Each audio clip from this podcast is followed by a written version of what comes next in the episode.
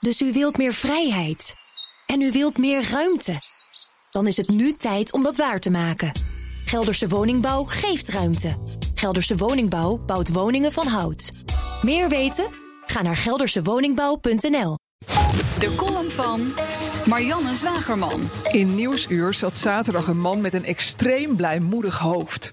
Zo'n soort Jehovah's getuige die na 24 dichtgeslagen deuren eindelijk beet heeft bij je 80-jarige buurvrouw die al lang blij is dat er eindelijk eens iemand aanbelt. De man keek in de camera zoals die slang uit Jungle Book.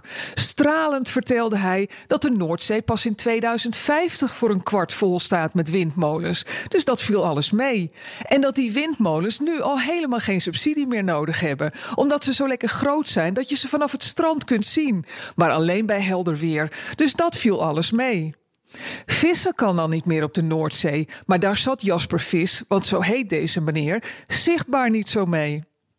Jasper Vis was tot voor kort de baas van het bedrijf dat de Noordzee volbouwt met windmolens. Nieuwsuur is het journalistieke paradepaardje van de publieke omroep. En presentator Jeroen Wollaars is niet je 80-jarige buurvrouw, maar een journalist.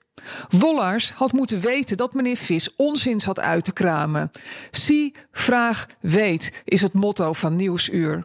Ik zag windmolenpropaganda uit de mond van een belanghebbende.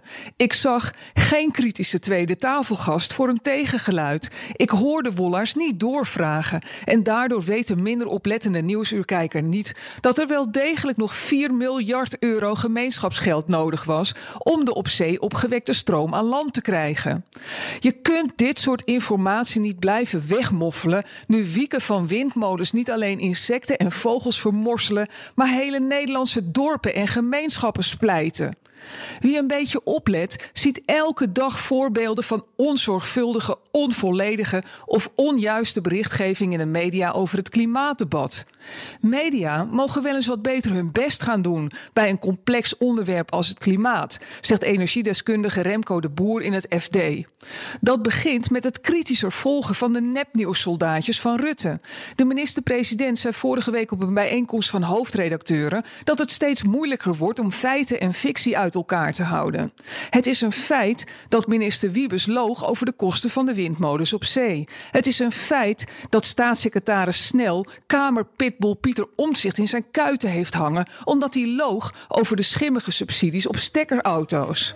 Zie, vraag, weet en geloof niet alles. Dus u wilt meer vrijheid. En u wilt meer ruimte. Dan is het nu tijd om dat waar te maken. Gelderse Woningbouw geeft ruimte.